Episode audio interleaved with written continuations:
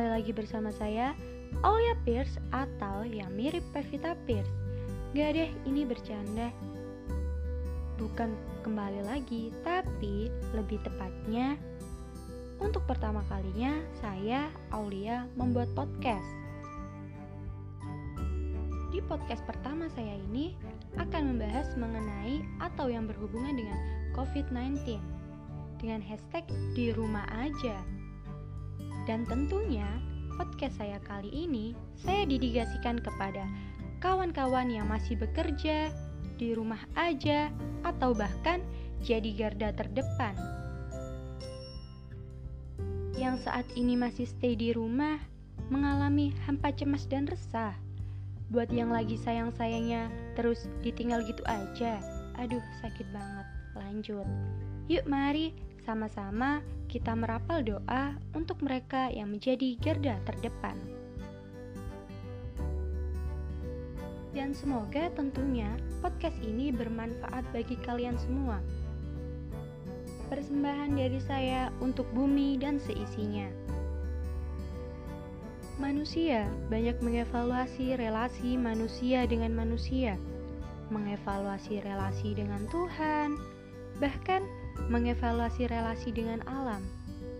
Mungkin, mungkin nih, untuk saat ini kita harus saling mengevaluasi, baik dengan manusia, dengan Tuhan, bahkan dengan alam.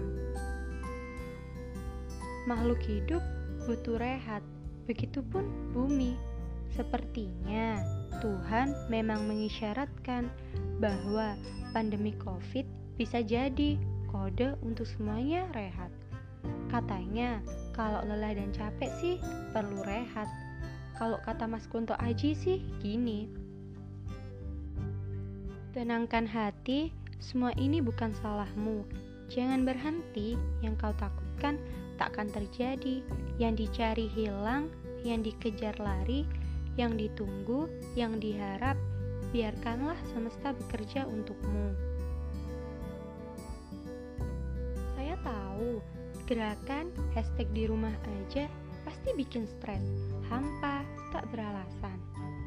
Mungkin ada yang pas mau tidur itu ngehalu dulu, besok bisa ketemu teman-teman gak ya? Besok mau beraktivitas nih, pasti ada aja yang kangen temennya, kangen aktivitas kesehariannya, kangen pacarnya sendiri, bahkan ada juga kayaknya yang kangen pacar orang lain. Gak ada ini gak boleh. Saya tahu rindu itu berat, tapi lebih berat lagi kan kalau kalian kena corona. Gak menaati peraturan pemerintah, lalu menerima bahaya. Bener gak? Untuk situasi saat ini, semuanya sedang berjuang bersama dan terdampak akibatnya, seperti di dunia pendidikan, di dunia sosial, bahkan di perekonomian. Tetapi memang yang terbaik untuk saat ini adalah merapal doa, bertahan di rumah untuk sesegera mungkin semuanya kembali seperti sedia kala. Di rumah aja, self kuranti membosankan, ngerasa hampa, cemas, dan kesepian ya udah deh aku akan bagi-bagi tips nih atau sharing-sharing tentang tips biar nggak ngerasa hampa, cemas, bahkan kesepian yang biasanya aku lakuin sih di rumah. Di sini ada tujuh tips nih. Yang pertama, olahraga dan atur pola hidup sehat. Jangan jari aja yang diolahragain, badan juga biar nggak penyakitan tiap hari, tiap waktu main HP, terus jari aja tuh yang diolahragain. Badan juga harus diolahragain. Yang kedua, batasi akses informasi negatif dan hoax tentunya. Yang ketiga, membaca. Membaca buku pelajaran. Eh, ini kayaknya kalian gak mungkin deh kayaknya. Kayaknya gak ada yang bercanda. Novel, atau pengetahuan-pengetahuan yang lain mungkin bisa lewat internet yang penting bisa berdampak positif bagi diri sendiri dan dapat mengusir rasa bosan Yang keempat, nonton film atau drama Korea. Pasti yang cewek-cewek ini lagi suka banget drama Korea. Yang kelima, memasak resep-resep baru seperti Dargombes Coffee. Eh, salah deng. Dalgona Coffee maksudnya. Maaf ya, kadang emang mulut ini suka meleset-meleset sendiri. Yang keenam, membersihkan rumah agar nyaman, terhindar dari sarang penyakit, dan terlihat bersih.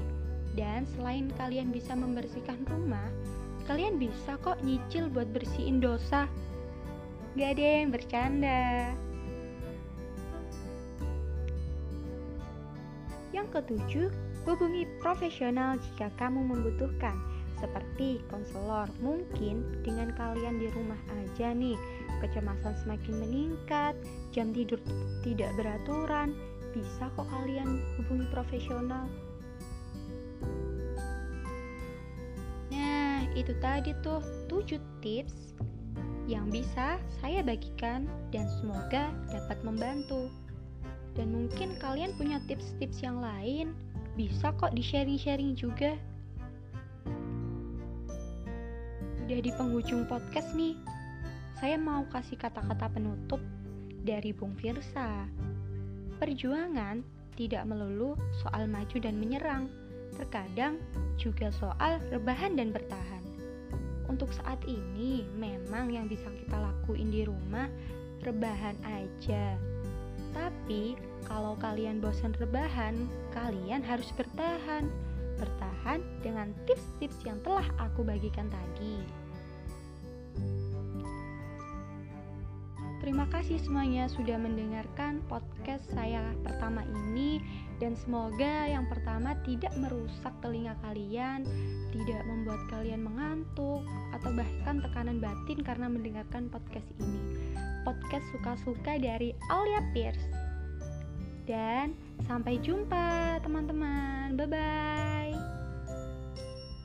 Dan semoga saya dapat membuat podcast lagi, tapi nggak tahu idenya tentang apa yang penting udah jalanin aja kan podcast suka-suka bye bye